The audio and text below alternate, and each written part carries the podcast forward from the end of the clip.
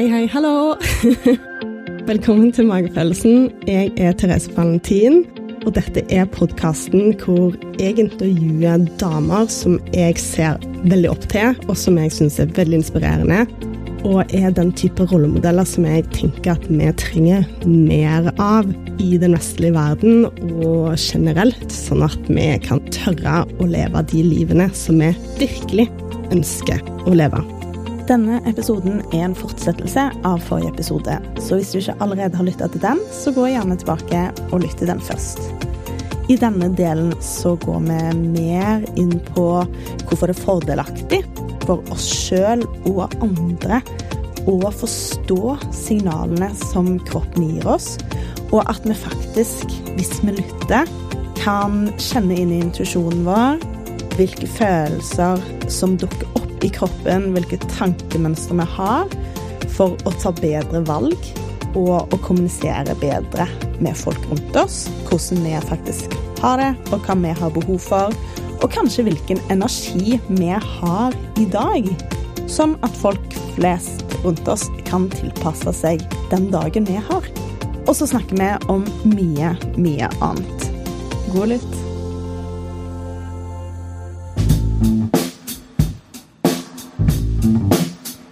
Du har vært litt uh, inne på intuisjon. Hva er det det gjør med oss når vi lettere klarer å ta valg som er, mer rett for oss, mer i kontakt med vår egen intuisjon? Mm. Det det gjør, er jo at det finnes jo mange mennesker nå som uh, ikke vet helt hva de tenker og føler. Nei. Det er sånn, ja, hva mener du? Hvilken avgjørelse tar vi her? ikke sant? Man blir satt i en eller annen mm. situasjon hvor uh, Nei, jeg, jeg, vet ikke. Man blir usikker. Ja, hvilken vei skal vi gå? Hvilken mat skal vi spise? Det kan være enkle ting også. Det blir jo da at du blir mye tryggere i deg selv. da. Mm. Du klarer å ta de avgjørelsene mye lettere. Det kan være komplekse ting også som du skal ta en avgjørelse på. Eller noe som er veldig, veldig viktig. Mm. Og da er det jo også sånn at det kan være vanskelig å skjønne når er det intuisjon, mm. og når er det frykt, da. Eller mm. ego som snakker til meg. Mm. Og det kan jo trenes på. Ja. ja hvordan gjør du det? ja. Det er jo da å kjenne etter sin egen kropp, sine signaler, da. Mm. Og noen har jo en veldig sånn instinktiv intuisjon, som er kanskje tanker som dukker opp. Du vet hva du skal gjøre. Mm. Du vet hvilken vei du skal gå. Mm. Mens andre har mer følelsesbasert uh, intuisjon. Og der er det, det er mange øvelser du kan gjøre for å liksom trene opp den. Da. For eksempel så kan du stå og så lukke øynene, og så si ja, ja, ja, ja, ja mm. inni, inni deg. Og så kjenne etter hva skjer i kroppen. da. Hvor i kroppen kjenner du det? Og det er jo forskjellig fra person til person. Ja. Kanskje kroppen lener seg en vei, kanskje du kjenner at det, å, det ble varmt i brystet, eller jeg kjenner sånn herlig følelse inni meg når jeg sier ja, ja, ja. Ok, da vet du din kropp sine mm. signaler på det. Og så gjør du det samme med nei. Mm. Og det er en sånn veldig enkel øvelse som åh, når jeg har den, ok, da, da, vet jeg at hvis jeg er i en situasjon, så kan jeg spørre min egen kropp, da. Men hva, hva tenker du her? Mm. Føler du ja? Ikke sant? Og så kjenner man at det kommer den samme følelsen. Eller kjenner du nei? Ikke sant? Mm. Lener kroppen seg en vei, eller «Åh, ok. Mm. Eh, og da kan du begynne å liksom skjønne de signalene da, som mm. blir sendt. Og det er jo underbevisstheten og kroppen mm. som snakker til deg. Ja. Og det er jo forskjellig fra person til person, selvfølgelig. Mm. Men bli klar over de signalene, og bli klar over hvordan det kjennes ut for deg å si ja til det, eller si nei til det. Mm. Skal du ta den avgjørelsen og ta den jobben, da, for eksempel. Hvordan kjennes det ut i kroppen? Mm. Og da også kan jo folk bli sånn Ja, men jeg blir forvirra. Jeg får jo ikke noe svar, eller jeg kjenner jo ikke noe, eller Og så kan jeg være veldig redd for at jeg er redd. Ja. At det er fordi at det er ubehagelig ja. og skummelt. Ja. Og, og, og, der er det sånn det, yes. det, var den jeg kjente på i går. Ja. Og det man gjør da, er jo at da er det kanskje ikke akkurat da du skal ta den avgjørelsen. Nei. Så da må man vente litt. Mm. Til man kjenner seg klar. Det har jo vært eh, ganger hvor jeg har liksom gått inn og prøvd å kjenne på intuisjonen. Jeg får ikke opp noe. Ja, det er jo både ja og nei, eller det er jo mm. Hæ, jeg skjønner ikke helt ja. Da forstår jeg jo at jeg er jo ikke i ordentlig kontakt. Mm. Kroppen er forvirra, jeg er forvirra. det her er ikke riktig tid Mm. til å ta den avgjørelsen. Og i noen situasjoner så må man jo bare ta, Ja. ta den. Mm. Eh, og så får det bli som det blir, da. Ja. Men de gangene du har mulighet, så er det jo det å ta litt tid, gå seg en tur kanskje, Mm. meditere eller uh, gjøre noe helt annet Mm. til du føler mm, nå kan jeg ta den avgjørelsen, Mm. og nå vet jeg. Mm. Så det er jo det at man må ikke presse seg heller når man er i en kanskje frykt eller ikke sant? Og det er også det å kjenne etter. Ikke sant? Hvordan er det kroppen din er når du skal ta den avgjørelsen? Mm. Er du i Det er masse tanker. Det er øh, Ikke sant? Mm. Kroppen føles urolig. øh, Jeg er øh, stressa. Åh, jeg må ta den avgjørelsen. Mm. Da, da er det jo vanskelig å kjenne etter Ja. hva er det du egentlig vil. Mm. For da er det jo mye annet som surrer, da. ja, ja. Så det er jo noe med det å roe ned det, Mm. og så, ja, så vet kroppen. Mm. Og så kan man øve opp det, ikke sant? At man Ja, men jeg, jeg syns det er vanskelig å kjenne etter. Ja, ok. Da kan du gjøre enkle ting i hverdagen som Nå skal jeg gå etter min intuisjon i dag. Mm. Ja, hvilken vei skal jeg ta? Skal jeg gå til høyre eller til venstre? Mm. Og så begynne å kjenne etter. Hva gjør kroppen? Er det tanken som kommer med en gang? Høyre. Ok, da er det høyre. Og så tar du en dag da, hvor du bare tar noen sånne Mm. avgjørelser. Hva skal jeg spise i dag? Ja, hva er det du føler du dras mot? Eller hva er det øyet først eh, lander på i frykthylla, for eksempel? Hva er det kroppen din kjenner at åh, ja, det har jeg lyst på? Mm. Eller tar du bare valg automatisk fordi at det er det du føler at du vanligvis trenger, ikke sant? Mm. Det er det å øke den bevisstheten og kjenne at nei, nå i dag så vil jeg ha mango, jeg. Det pleier jeg ikke å ville ha, men hvis jeg kjenner etter, så er det det. Ja. Det høres jo veldig banalt ut, men det er sånn du øver det opp, da. Nei, men altså, Enkle jeg tror det er jo det vi trenger. Tips til hvordan å få til dette i praksis. Ja. Jeg føler For min egen del så har jeg kommet veldig langt. Mm. Men for eksempel det du sa med ja, ja og nei, nei. Det er en veldig enkel ting å gjøre.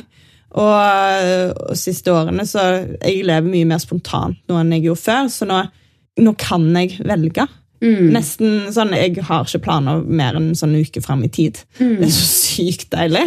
Eh, og ofte så liksom har jeg dager satt litt sånn til at jeg kan være fleksibel og være spontan. da. Ja. Og det er så godt å bare kjenne etter bare Nei, i dag så vurderte jeg å liksom dra på et event eller møte en venn, men jeg har bare behov for å være alene, liksom. Mm. Mm. ja, og det er det, ikke sant, når du begynner å skjønne at hvordan er det det føles ut å være redd, bekymra, ha frykt, eh, motstand Hvordan er den følelsen for deg? Det er sikkert annerledes mm. bare oss to imellom Ja. også. Ja, ja. Og da, ikke sant, kjenne etter Ja, skal jeg dra på den, det eventet i kveld? Alt inni meg sier eh, åh, det blir eh, Det ble ikke noe bra. Mm. Da kan man jo enten da ta seg litt tid og Ja, er jeg i riktig flow nå til å bestemme det, egentlig? Mm. Hvordan føles det ut, da, å si nei til det? Og så se for seg hodet sitt Ok, du sitter bare hjemme i dag. Mm. Hvordan er den følelsen? Det føltes uh, veldig avslappende. ja, ok. Hvordan føles det da ut hvis du skulle ha dratt? Mm. Uh, få høye skuldre med en gang. Åh, åh, nei, åh, det blir stressende. Og, åh, det blir kanskje alkohol, og nei, åh, dagen er på, nei, det Ikke sant? Ja, nei, da var det veldig mye ting som var negativt, da. Mm. Og veldig mye motstand der. Mm. Kanskje du skal ta det som ja, gjør deg glad, gjør deg avslappet. Mm. Men så er det igjen det den å utfordre seg sjøl forbi komfortsonen. Ja. Sånn Som òg liksom Ja, begynner å da det- forvirre folk og bare «Å ja, men da har jeg jo lyst til å sitte på sofaen alltid. Ja. Men man skal jo gjøre det som gjør deg glad. Ja. Men ja, det er jo den der komfortsonen. Og noen ganger så må man jo kaste seg ut i noe som er kanskje litt Å, det her blir jeg Men der igjen så, jeg tror for min egen del så er intuisjonen fremdeles litt på med komfortsonen. At det, da Ja. er det jo kanskje frykten. Fordi at jeg iallfall utfordrer meg på enkelte ting utenfor komfortsonen. er Fordi at jeg ønsker å nå et mål. Det, det gir meg en gulrot da, Ja. og en gevinst etterpå.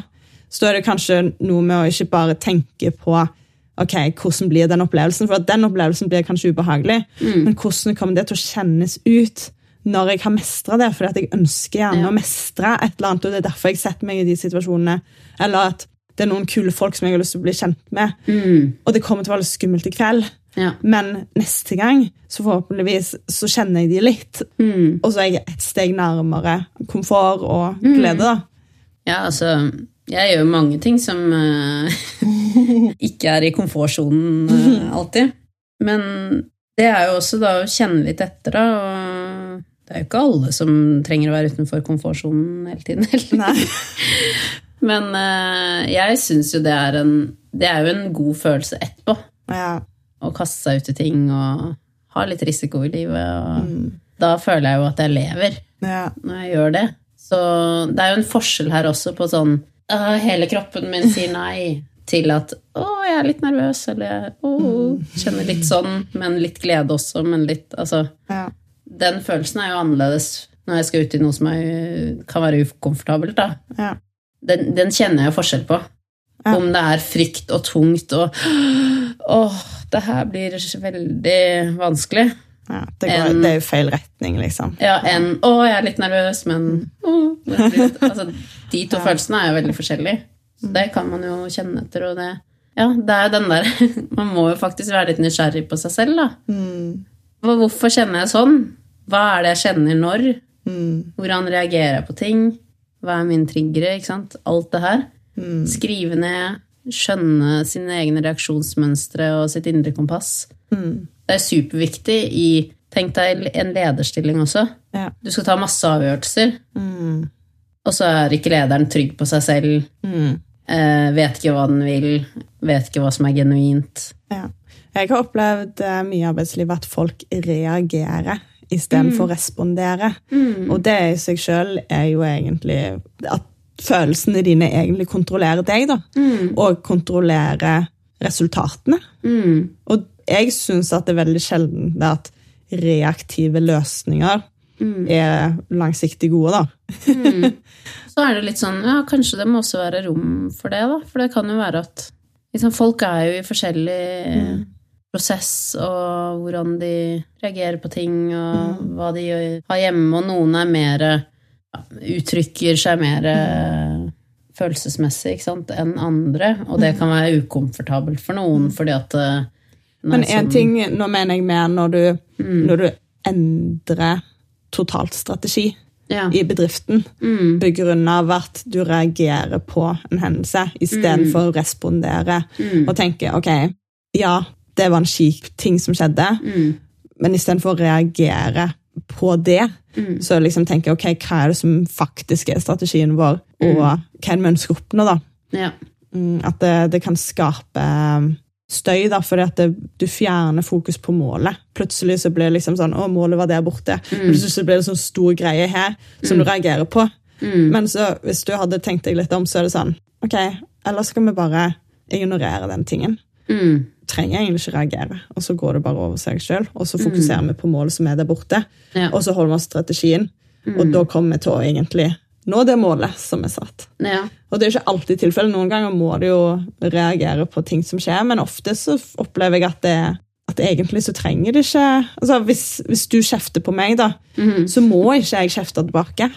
Jeg kan òg bare gå og tenke mm, Ok, det, det var litt støy, men uh, la oss bare fokusere på Mm. ja, saken. Eller snakke, snakke litt om det. Ja, da handler det også om å være trygg i seg selv, da. Mm. Fordi hva er det som skaper konflikt? Jo, det er at man er usikker, og man er frustrert over noe, og man reagerer i affekt, for eksempel, da. Mm. I de situasjonene så er det jo bedre å si du, jeg må ta litt tid og tenke på det her, Mm. men takk for at du sa ifra, for eksempel, da. Og så går man, trekker seg litt tilbake, og... men andre ganger, ja, ja, så reagerte man plutselig, da. Jeg har jo veldig sånn følelsene på utsiden. og det kan jo være både bra og dårlig, det. Men uh, jeg har jo også lært meg å, å håndtere det uh, mer, og være mer klar over hvorfor jeg reagerer sånn som jeg gjør, da. Veldig sjelden jeg er inne i en veldig konflikt. Eh, Nå, nå Men- mente jeg med en, med en organisasjon så kan det jo bare være en mediesak. Ja. Eller eh, en person internt i bedriften som, eh, som mister jobben. En viktig person. Eh, Sånne, sånne type liksom, bedriftskonflikter da, som handler mer om mm, situasjoner, kanskje mer enn ja, Det var bare et eksempel. Ja, ja. Nei, det er jo sånn som vi Vi gjør jo det Vi har jo dette her um, verktøyet vårt for å kommunisere bærekraft. Der er jo det en del av det er jo dette her med å se på hva er konsekvenser, ikke sant. Og hvis det da kommer en eller annen eh, PR-sak med negativ omtale, da, hva gjør man da? Hvordan håndterer man det? Og det å ha tenkt gjennom litt sånn på forhånd, da. Jeg skal ikke reagere i affekt. Skal, det her er svaret jeg hadde gitt hvis det hadde vært sånn og sånn. Ja. Og da, kanskje en løsning er jo da Ok, så det er noen som er veldig uenig med deg. Ja, vær mer nysgjerrig på hvorfor det. Ja. Hva er, det, hva er den sitt synspunkt? Hvorfor har den det sånn? Hva er bakgrunnshistorien her?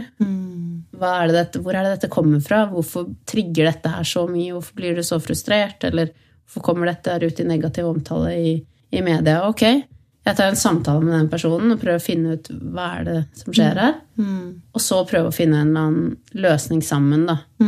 Og sånn som når vi jobber med kunder på dette her, har eh, en kunde av oss som hadde fått eh, negativ omtale i media fra MDG, da. Og tidligere så kunne de kanskje Å, hvordan skal vi svare på dette? Ikke sant? Så blir det jo helt furore inne i selskapet. Har vi grønnvasket og ikke sant, alt sånn her, da. Men da, da inviterte de til et møte. Og ja, vi hører hva dere sier. Kan dere komme og kan vi snakke om det? Så tok de et møte med de, og så fant de mer et samarbeid da, enn at det ble fra to sider. Ah, ok, du tar den artikkelen, greit. Her kommer vårt svar, ikke sant?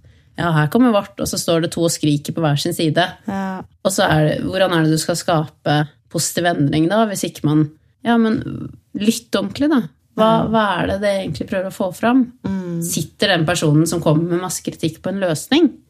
Fantastisk! Da, Ja, ja. la oss få fram det, da. Ja. Vi, selvfølgelig, vi sliter jo med et eller annet. Det er vanskelig med klima og miljø, for eksempel. Da. Og så får vi denne kritikken, og hva skal vi gjøre? Vi har, Det er en grunn til at vi har gjort som vi har gjort, og vi har prøvd vårt beste. Og, ikke sant? Ja. og så innrømme det òg, da. Det her er vanskelig for oss. Ja, du setter fingeren på akkurat det som er vanskelig for oss. Hvordan kan vi løse det? Vi vet ikke selv. Ja. Skal vi da stå og skrike at 'ja, vi får det ikke til', ja, ja, ok, du er også. Hva løser det, da? Mm. ja, det er kjempefint. Så er den derre Ja, det handler også om å se hverandre. Mm. Det kan jo være ansatt til ansatt, eller det kan være en PR-omtale til kunde, eller Mm. hva som helst. Forbrukerrådet som går ut og Ja, og være- nysgjerrig på kritikken du får. For Ja. en ting er tilbakemelding som du får fra kundene, Mm. som kanskje er mer anonymt, eller liksom reviews, som også er offentlig for så vidt. Mm. Men eh, ja, å bare se på all kritikk. Ja. Alle som prøver å henge deg ut, og bare være sånn, ok, hva kan jeg lære av dette? Mm. Og hvordan kan vi møtes? Og, for det er jo noe hvis én person tenker det, og heller tenker jeg setter pris på at de er ærlige, fordi at de sier det høyt. Ja. Men hvor mange andre er det som tenker det, og bare snakker bak ryggen vår? Og så er det selvfølgelig litt sånn å ta det på skjønn, da, fordi at uh, man har jo de der trollene der ute Ja. som bare skal prøve å Ja, det har du helt klart. Uh, Så man ser jo det an, selvfølgelig, men jeg tror det fins mye løsninger i god kritikk. Ja, absolutt.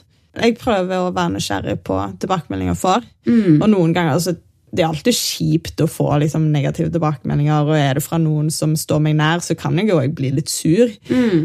Men jeg prøver alltid å være litt nysgjerrig liksom, når den denne umiddelbare reaksjonen har landa litt. da. Og liksom, Mm. jeg, jeg, ikke nødvendigvis at jeg reagerer på de, men det er liksom Takk. Ja, Og så- og ja. ofte sånn, så finner jeg ut hva er det hva er jeg er enig i. Mm. For det kan være at jeg er enig i deler av det, og så kan det være at jeg finner ut at jeg er uenig Mm. i deler av det, eller alt. Men da blir jeg jo òg tryggere i meg sjøl. ja. For da er det sånn Ok, nei, vi, er bare ulike. Vi ser på verden ulikt. Nå har jeg vært nysgjerrig, har prøvd. Mm. Men faktisk så bare handler det om at de har et annet verdenssyn enn meg. ja. Og da plutselig så, hvis noen andre kommer med lignende kritikk på ny, så står jeg mye sterkere i mitt verdenssyn og den jeg er. da. Mm. Så uansett så vil det være fordelaktig. da. Og der er det jo også ikke sant, det der med å være nysgjerrig på seg selv og på sitt eget selskap og på ja, hva andre mener og tenker og ikke sant? Det kommer en kritikk. Hva, hvordan føler du når du får den kritikken? Hvorfor føler du det sånn? Hva er det dere står for i det selskapet, eller hva står du i deg selv? Hvorfor gjør du det? Hvorfor har du det sånn? Hvorfor er det så viktig for deg? Hvorfor har du tatt den avgjørelsen du har tatt? Alle disse tingene her, det bruker vi altfor lite tid til å tenke over. Og så tror jeg det er mange som ved å tenke på disse tingene kan finne ut at jeg jobber kanskje på feil plass. Ja, det kan godt være. Eller ja, også sånn Ja, vet du hva? Den kritikken der, den eh, ga meg faktisk giv til at vi skal jo ikke gjøre det på den måten, vi skal gjøre det på en helt annen måte. Ikke sant? At det er faktisk sant, det der. Ja. Jeg har vært redd for å innrømme, men eh, det stemmer. det kan jo være en løsning også. Ja. Eller det kan være at det der er jeg helt uenig i, og jeg står i det valget jeg har tatt. Og da, hvis man er trygg i seg selv, så kan man stå i begge tingene. Da. Man kan også innrømme ja, der tok jeg feil. Og nei, her har jeg For meg så er det rett. Mm. Men kanskje ikke for deg, ikke sant? Mm. Eller for dette selskapet så er det rett. Mm. Og det er jo med bakgrunn i alt vi har gjort, alle verdier vi har, hvordan vi har bygd opp, hvilke ansatte vi har. Ikke sant? Det er jo ofte en mening eller en grunn til at man har gjort noe, er jo mye, mye større enn ja, vi bare skal ha rett, eller vi skal bare gjøre sånn. Mm. Det er jo ingen som gjør ting for å være kjip mot andre. Nei. Det er alltid en eller annen begrunnelse eller en mm. Det kan jo være ja, det bare skjedde. Det var ikke tenkt gjennom. Kan jo være en gang at det, det er sånn, men da er det jo fint å snakke om det også, da. Mm. Det er en veldig fin måte å tenke på. Jeg tror vi må minne hverandre og oss sjøl litt på det. Mm. For det er veldig lett å bli dratt inn i den der Nå liker ikke jeg det de gjør, Mm. og jeg liker ikke de som person, Mm. eller de gjør en dårlig jobb. Mm. Jeg tror det er en veldig vanlig måte å tenke på. Ja. Istedenfor å tenke ok, hvorfor tok de den avgjørelsen? Gjorde de det for å være kjip? Gjorde de det fordi at de er et dårlig menneske? Eller gjorde de det kanskje pga. at de bare de måtte ta en avgjørelse? At det var gjennomtenkt, men det er ting som du ikke helt forstår? Ja, for jeg, tenk, jeg tenker at det, det fins ikke dårlige mennesker. Nei. Og det kan jo sikkert mange Ja, ja, hva med de, og hva med de, og Ja, nei, men da tenker jeg at eh, hvis du er en som har uh, starta krig, eller du er en som har eh, drept eller et eller annet, da. Altså det, det verste man kan tenke seg. Ja, da er du veldig separert fra deg selv. Da er det som å være et skall, da. Ja. Da har du ikke liksom kontakt med dine egne følelser, eller Da er det en eller annen grunn til at du er sånn som du er. Det er ikke fordi at du innerst inne er et dårlig menneske. Du har bare Du har kobla deg helt av. Ja, det er veldig mye forskning som viser at de fleste innsatte i en, noen av de verste fengslene i USA har eh, De kategoriserer ulike typer traumer, og liksom det er ni traumer som er på en måte de, de mest alvorlige traumene du kan oppleve. da. Ja. Og de fleste innsatte har liksom opplevd mellom hva var det, tre og syv av disse traumene. da. Ja. Og når de blir møtt med empati rundt det, Mm. så plutselig så endrer det seg helt. da. Ja. Og mange begynner å angre på Mm. handlingene sine. da. Og Dette er gjerne fanger som før har vært litt sånn veldig macho, veldig kalde, kule sånn gjengmedlemmer. da. Mm. Og så plutselig så går de over til å bare komme i kontakt med følelsene. og Ja, tenk, altså, det er jo en uh, hel podkast i seg selv, er jo dette her med at uh, menn har blitt uh, fortalt at de ikke skal vise følelser. Ja. Det er jo så synd at man da man skal stenge ned og stenge ned og stenge ned, og ikke engang gråte i mor sin begravelse, på en måte. Mm. Du skal være helt kald, da. Ja, og dessverre så føler jeg jo det er litt sånn med kvinner òg, når kvinner blir mer selvstendige og kommer ut i næringslivet, så Mm. Burde vi òg ha mer maskuline trekk. Mm. Og, og altså, det, Jeg husker når jeg starta i næringslivet, så var det veldig sånn Skal ikke gråte på jobb, liksom. Nei. Skal ikke vise følelser. Vær rasjonell. Mm. Jeg føler at det, det er fint å kunne ha litt av begge deler. Ja, At man eh, ja, både kan vise følelser når man føler seg komfortabel for det, og man kan være rasjonell og Jeg føler at eh, man er jo ganske kompleks som menneske. Mm. Jeg har jo både en sånn supervisjonær risikotaging, eh, systematisk, logisk tankegang. Mm. Det er jo der jeg liksom henter eh, innovasjonsideene mine fra. Mm. Men så har jeg jo en superfeminin følelsesdel av meg Mm. Som eh, kan kunne ha grått på jobb, kunne ha oh, blitt rørt, eller Mm. Men det er jo litt sånn name of the game, fordi hvis ikke det berører meg, det jeg skal vise til andre, Mm. eller den, det prosjektet, eller hvis ikke det berører meg på noen måte, hvorfor, hvorfor skal det da berøre noen andre? Mm. Ikke sant? Jeg elsker å bruke humor, og det, det trenger jo ikke å være gråt, gråt, gråt. Men det kan være ikke sant, åh, det her ga meg en eh, Det var gøy, eller det var eh, spennende, eller eh, Å ja, de gjør det sånn, ja. Hvorfor betyr det så mye for de, da? Mm. Å ja, derfor. Ok. Da kan jeg også engasjere meg inn i det. Mm. Men hvis uh, selskaper ikke viser, meg, ikke viser meg hvorfor det betyr noe for dem, Mm. hvorfor skal jeg bry meg da? Mm. Og hvis ikke det faktisk betyr noe for dem, hvis de gjør en De sier at det betyr noe, på en måte en, eh, Ja, dette er vi kjempeengasjerte ikke sant? Og her er det en eh, kampanje for det, og det skal tiltrekke folk som også er engasjert i det. Mm. Men genuint i selskap så er vi egentlig ikke så bryr vi oss ikke. Vi har bare lyst til at det skal selge mer akkurat den tjenesten. Ikke sant? Mm. Hvis det er en uh, uautentisk kampanje, da, eller en, eh, en ting du skal fortelle om, Mm. så har det så mye mindre kraft enn hvis alle selskap er sånn Ja, virkelig, det bryr vi oss om. Mm. Dette er sterkt for oss. Vi, åh, vi må bare vise det til verden, fordi vi ønsker at de også skal eh, se det her, da, og se hvor viktig det er. Det genuine engasjementet, det har så høy verdi. Ja.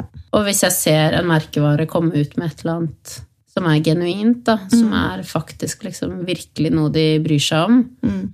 da er det ganske lett for meg også. Ja, oi, det var Hvorfor bryr de seg sånn om det? Ja. Ikke sant? Så blir jeg nysgjerrig, og så Åh, se så fantastisk engasjement, ikke sant? Eller litt sånn som den med naboen også, da. Å, bryr de seg om det? Hva, hva, hva var det for noe? Ja. Jeg tror virkelig at det å inspirere Og hvis du gjør noe, og folk ser at du får det bedre, eller de tenker liksom å, men det høres ut som hun gjør det mye gøy, så plutselig, eller at det er et eller annet som, som oppfattes som positivt, da, så plutselig så får andre òg lyst til å gjøre det. Ja.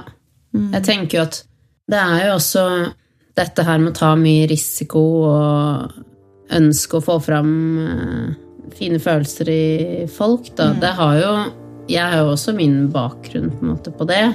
Og hvorfor jeg har blitt så opptatt av det, da, og min eh, drivkraft i det.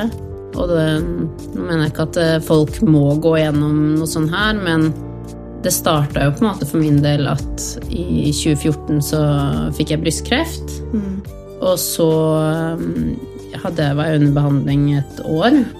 Og i det så mista jeg jo masse energi. Jeg gikk jo på cellegift og alt sånn, og hadde jo ikke hår, og mista en del av min femininitet i det, følte jeg.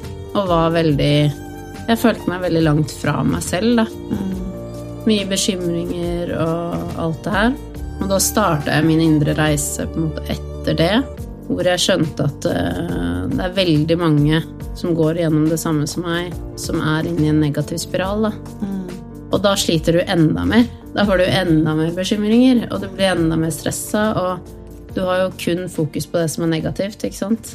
I så lang periode òg. Så da holdt jeg jo et foredrag som het 'Fins det noe positivt med det å få kreft?' Ja. Og jeg til og med holdt det for noen som visste at de hadde det kronisk. De kom til å dø av sykdommen. Ja. For å gi litt sånn Ja, dette var det jeg fant i min hverdag som var positivt, da.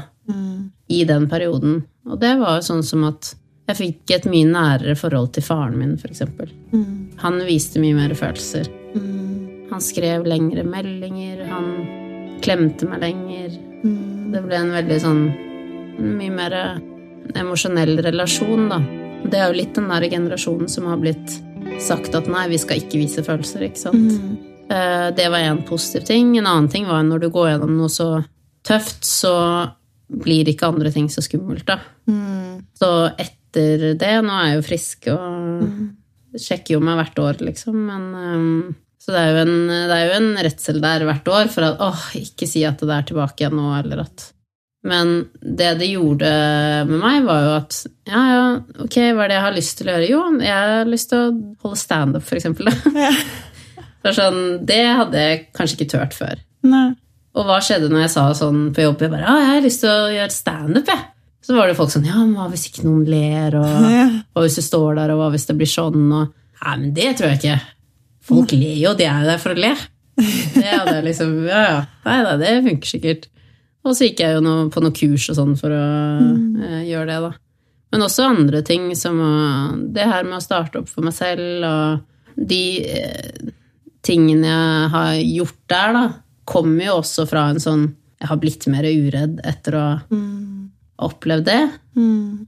Og jeg har eh, gått mer innover etter å ha opplevd det. Og det er også en ting, det der med Som jeg fikk høre liksom i starten av den reisen. Ja, ja, men du må gå innover. Ja, men du må gå innover. Hæ? Ja, men jeg gjør jo det. Jeg mediterer, og jeg liksom sitter i stillhet og gjør sånn og gjør sånn. Ja, men du må gå innover. Ja, ja, gjør jeg ikke det, da? Jeg skjønte ikke hva det betydde. Mm. Eh, og det tok mange år. Ja. Eh, sikkert fire-fem år før jeg liksom skjønte hva det faktisk betyr. Men jeg føler òg fra du begynner å meditere, så er Ja. det som steg som du går. Mm. For meg å komme i kontakt med kroppen min, det er liksom plutselig så bare kommer ting mye mer naturlig, da. Ja. Hvis jeg opplever noe som utfordrende, så kan jeg prøve å finne fordelene Mm. ved det. Mm. Um, og så finner jeg alltid masse fordeler, og så plutselig så er jeg nøytral til situasjonen. Og i starten så var det veldig utfordrende, men Ja. nå er det noe som jeg bare gjør. eh, Som jeg liksom, å, nå kjenner jeg at jeg er litt irritert på den personen, eller skuffa, litt lei meg, et eller annet. Og så bare gjør jeg det før jeg går og legger meg. Mm. Og så sover jeg så mye bedre! For Da slipper jeg liksom om kvelden å ligge og tenke. For at alle de tankene du har på kvelden, og grunnen til at folk ikke får sove, er jo fordi at de ikke går innover. Mm. At det er ubehagelig å ligge og tenke og kverne og mye greier, men de, det hjelper ikke. Nei. Så det å ha noen teknikker, da. Ja, og det er noe med det at eh, det å gå innover, det jeg forsto, da, hvor jeg våkna litt opp for å skjønne hva det egentlig handla om, er jo at du har jo alle svarene inni deg. Ja. Og det er jo Hvis jeg Ja, men hvordan skal jeg gjøre sånn, og hva tenker du om det, ikke sant? Er du en som spør utover hele tiden om det indre? Ja, men hva skal jeg tenke når jeg får sånn, og hva skal jeg føle der, hvilken avgjørelse skal jeg ta, ikke sant? Du spør ut og spør ut, spør ut. Kan du fortelle meg om sånn, og hva tenker du jeg burde gjøre fremover, og Ikke sant? Hvem er det som vet svaret på det, da? Mm. Det er jo deg selv. ja. Det er jo alt som handler om deg, og så spør du utover og utover og utover. Mm. Og så prøver du å sitte i stillhet og meditere, men du har ikke tenkt at å ja, ja jeg må jo spørre meg selv, jeg. Ja. å ja! Det svaret går innover. Jeg må skjønne meg selv. Jeg må skjønne hva jeg vil. Ikke spørre alle andre om kan du gi meg eh, svar på det og det og det.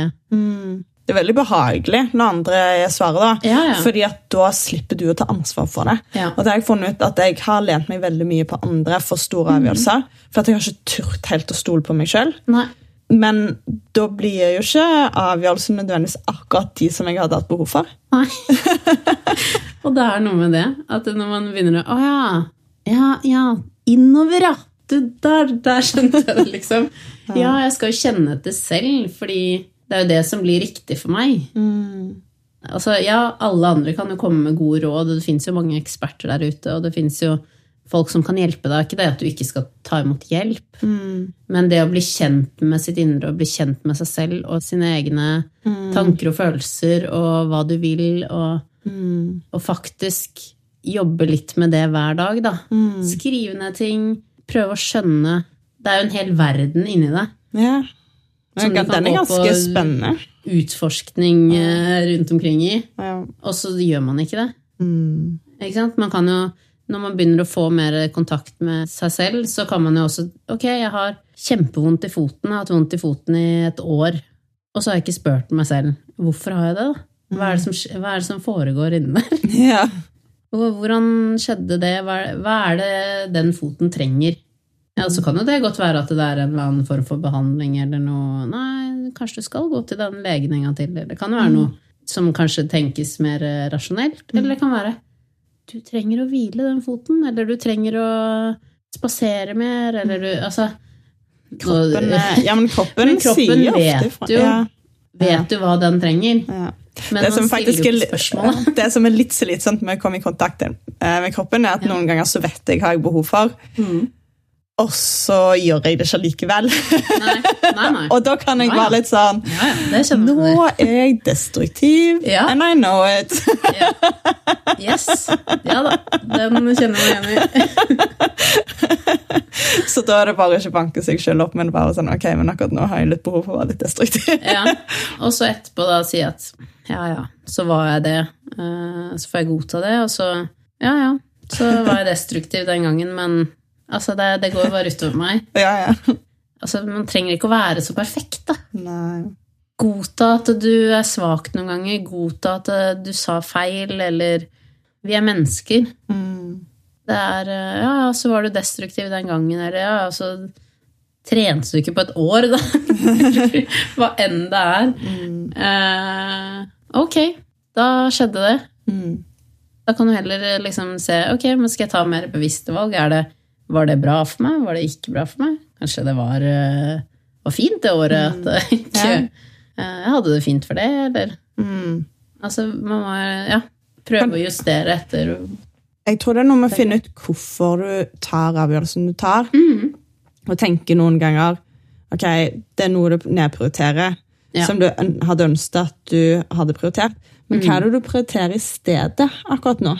Og kanskje det akkurat nå er litt fint å nedprioritere noe, fordi at hvis ikke blir det for mye. Det, det merker jeg akkurat nå i mitt liv, at eh, jeg har vært litt sånn Å, jeg har ikke vært så mye liksom, på hytteturer, i friluftsliv og sånt sted. Men jeg har noen veldig store prosjekter i livet mitt, Mm. som, og jeg har satt meg noen mål som jeg ønsker å oppnå. Ja. Og, og det er faktisk det som er viktigst for meg akkurat nå. Mm. Men det tok meg litt tid å innse, for at jeg bare sånn, hvorfor er jeg mindre i naturen? liksom? Jeg elsker jo å være i naturen, Ja. men jeg går mye mer tur bare i nærområdet. Mm. Ja, men det er fordi at jeg, jeg trenger mer tid alene. Og Ja. hytteturer er jo veldig spennende, men eh, jeg har kanskje hatt færre helger tilgjengelig hvor jeg bare har lyst til å sette av en hel helg til å være sosial. For jeg ønsker å være i den energien og oppsøke mer situasjoner hvor jeg kan finne de løsningene og nå det målet. da. Ja. Og det, jeg tror det er veldig mye vi gjør som vi gjør av en grunn, hvis Ja. vi er nysgjerrige. Men det er lett å bli litt sånn Ja, men jeg elsker å gjøre det. Hvorfor gjør jeg ikke det? Hvorfor setter jeg ikke tid til det? Og så sånn, Men hva annet er det du setter av, pris, setter Ja. av tid til, da? Ja. Og så er det jo også litt sånn eh, Vi har prøvd å implementere, er å jobbe mer etter kvinnelig syklus også. Mm. Vi har jo veldig ulike ja, former for eh, når vi er kreative, når man trenger tid for seg selv. Har veldig mye med syklusen å gjøre. Mm. Når man er mest emosjonell, for eksempel, og alt dette her. Og da ser jeg jo at ja, eh, på et tidspunkt så trenger jeg kanskje tre dager helt alene i mørkt rom, liksom. Ja. Og da er det ikke da jeg skal være kreativ. Nei. Men eh, etter det, da er det full effektivitet og Mm. Ikke sant? Og det å bare prøve å respektere det også, og ikke presse gjennom at 'Å, nå må jeg gjøre sånn fordi at Mm. eh, samfunnet mener at jeg skal Mm. Ja, men eh, ja, prøve å oppdage det også. Hva, hvordan er jeg i syklusen, og når? Mm. Eh, og hva skjer da? Og hvordan er det jeg mest effektivt kan jobbe med kreativitet? Når er det jeg skal ta det med med ro, eller Mm.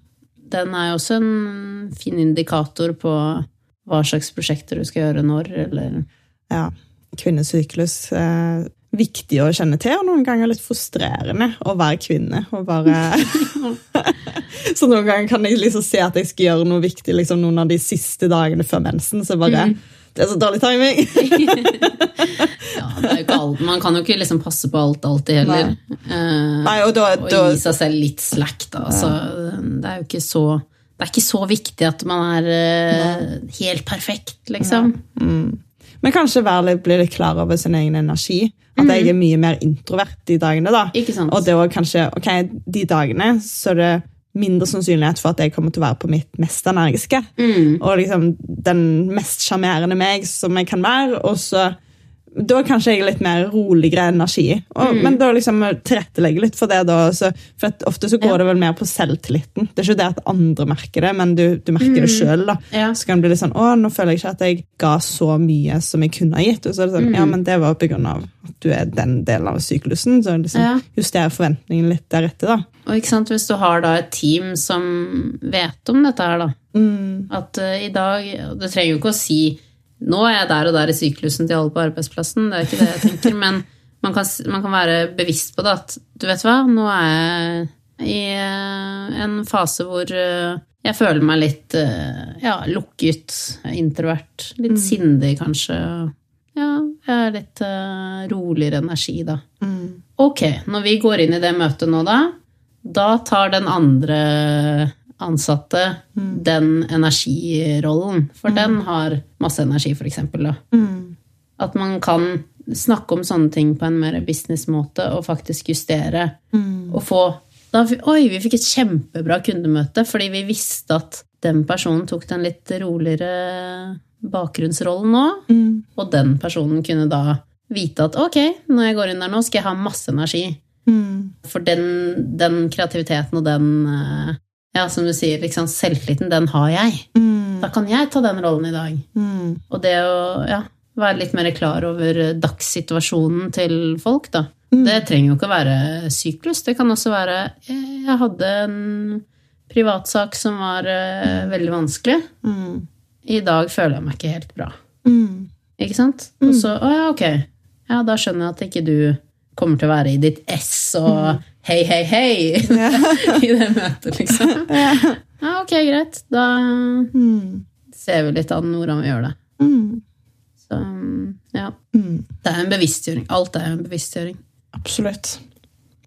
Men jeg har et veldig viktig og siste spørsmål.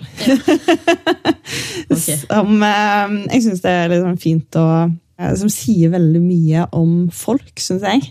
Det med skam og ja, vi, vi kan ofte gå og skamme oss i livet, Mm. men folk skammer seg over ulike ting. Ja. Så hva er det pinligste du noensinne har opplevd? ja. Jeg har én episode som jeg tenker på da. Hvor jeg var i en litt uh, ukomfortabel situasjon, som var at uh, jeg hadde en venninne som drev med sånn um, poledancing, sånn sports Ja, kult. på en sportsmåte. Uh, og så um, skulle det holdes eh, NM i poledancing. Da. Det var det første NM-et, da. Wow. Polsport-NM, eller noe sånt Heter. Altså, det er så imponerende med folk som Ja. driver Så jeg blir helt sånn Wow, Ja, altså- er det mulig? Jeg kan ingenting om det, og jeg har heller ikke uh, testa. Men uh, så spurte hun ja, kunne ikke du vært konferansier. Jo, jo, det kan jeg sikkert, liksom. Og det her er jo ei som er kjent fra barneskolen. Og så var det her da på et sånt kulturhus, og det var jo 400 stykker i salen. Ja. Og det var eh, ganske mange deltakere i forskjellige kategorier og alt sånt. Og så var det da dommere som skulle ikke sant, sitte og skrive mm, på hver deltaker, da. Og det gikk jo greit, og jeg fikk vite rett før jeg skulle gå inn der, at eh, ja, forresten så blir det også sendt digitalt på TV2 og et eller annet. Ah, ah, ok, ja, ja. Det går sikkert bra, liksom. Ja, nei, så kommer kommer jeg på der, og alt går fint. Og så uh, er det første deltaker, og da går jeg ut og kommer inn igjen og liksom har fått beskjed at sånn Du kan ikke liksom tulle med noe her. Det er et sportslig arrangement. Det er på en måte ikke en eh, Hei, hei, hei, nå, ok, nå tar jeg noe impro. Ikke sant? Det er, sånn var ikke lov, på en måte. Og så skriver de dommerne, sier jeg da venter vi på at dommerne skal skrive resultatet før neste deltaker, ikke sant? Så venter jeg litt, da. Så ja. ja. Da er de nok snart klare med å skrive ferdig de resultatene. Og så tar det altså to minutter. Og i sendetid, hvor du står foran et stort publikum og står stille i to minutter, Å, det er så pinlig. Og det som går opp for meg da, er jo at det her har vi ikke tatt høyde for. Nei. Det er ikke bare én deltaker dette skjer med. Nei. det er Dette er alle deltakerne i alle kategoriene. Så er det to minutter. Og hvor, det er masse tid, ikke sant? Jeg, kan, jeg har ingen faktakunnskap om denne sporten. Jeg kan ikke liksom Ja, ja, vi kan jo fortelle at i, da og da startet det, ikke sant? Og bla, bla, bla. Ingenting. Jeg kan ikke si noe humor. Eh, jeg kan eh, Altså, det eh, første husker jeg var sånn Ja, jeg skal bare informere at liksom, de skal vaske mellom hver gang disse stengene, sånn at det er liksom klart for neste deltaker. Så det er det som foregår der. Ja, da har du brukt fem sekunder på å si det. Da er det jo da ett og et halvt minutt og et altså, og jeg sto der og bare nå er det, det er så pinlig stillhet. Jeg har ikke noe jeg skal si, så jeg febrilsk liksom etter neste deltaker Gi meg noe kunnskap om de ikke sant? Og jeg skriver ned og Ja, kjempebra, da har jeg liksom på neste. Skriver ned masse, ikke sant, og kommer der og Yes, da kan jeg jo si om neste deltaker at den har jo vunnet sånn og sånn før, og ikke sant, deltatt i det og det, og bla, bla. Ti sekunder av de to minuttene. Det er jo ikke nok! Altså, til sammen, jeg tror jo da ja, Det må jo ha vært kanskje en halvtime, eller altså I stillhet foran 400 stykker i publikum, og at det ble filma. Ikke også digitalt. Stillhet! Jeg har, og jeg har jo også drevet med impro og drevet med standup. Liksom, jeg har ingenting å ta av. Jeg kan, ikke, jeg kan ikke tulle med det her. Jeg kan ikke liksom Hva skal jeg si, da? Ja, ja, det var jo flott å se at det kom så mange folk. Du har ikke nok. oh, og jeg bare håper at ikke det klippet fins. Det var sikkert ikke spennende nok. Nei, da var det mange som hoppa av. Ja, var Jeg mistenker at det kanskje ble klippet bort. Ja. Er dette på, liksom? Nei, Uff, det der, altså. Det var uh... De lærte til neste gang. Ja. Nei, så um, all ære til eh, programledere sånn, som er um, gode på å ta sånne ting på uh, sparket. Men jeg tror det, det hadde jo vært mye lettere hvis det var noe jeg kjente masse til Ja, ja. og kunne snakket om. ikke sant? Ja. Nei, Så det var, det var mange ting som da bare ja. Ja. Nei, eneste jeg Det tror jeg pinlig. kunne tenkt i en sånn situasjon, var liksom å begynne å intervjue folk, liksom. På scenen. ja. Men utenom det, så altså, har du ikke kunnskap om sporten, så, så er det jo liksom Jeg hadde bare Fader, liksom. Det der øyeblikket hvor jeg innså på den første at dette kommer jo til å skje hver gang, ja. Ja, fordi det tar ikke ti sekunder for de dommerne å skrive på de papirene der. Nei. Det er jo fem ark som de skal fylle inn, Å, ja. ikke sant? Bare Å ja! Ja det, var, ja! det var såpass lang tid. Og, ja, og hvis du er vant til å liksom, ta litt plass så, altså, Jeg har blitt mye mer komfortabel med stillhet med tiden, men det er veldig ulikt å liksom, tåle å sitte rundt noen folk i et rom i stillhet enn å liksom, stå på en scene og lete noe. Det er noe med det at du, du står der. Du, du kan liksom ikke Da går jeg ut mens de skriver, og så skal vi se når neste ikke sant? Du må stå der. Så jeg måtte bare Jeg måtte bare stå i det og si sånn Skal vi se? Da er det snart klart. Da, så da ser vi, ja. ja. Litt til. Da venter vi noen minutter til, liksom. Sånne ting måtte jeg jo si, men jeg sa jo det igjen og igjen og igjen.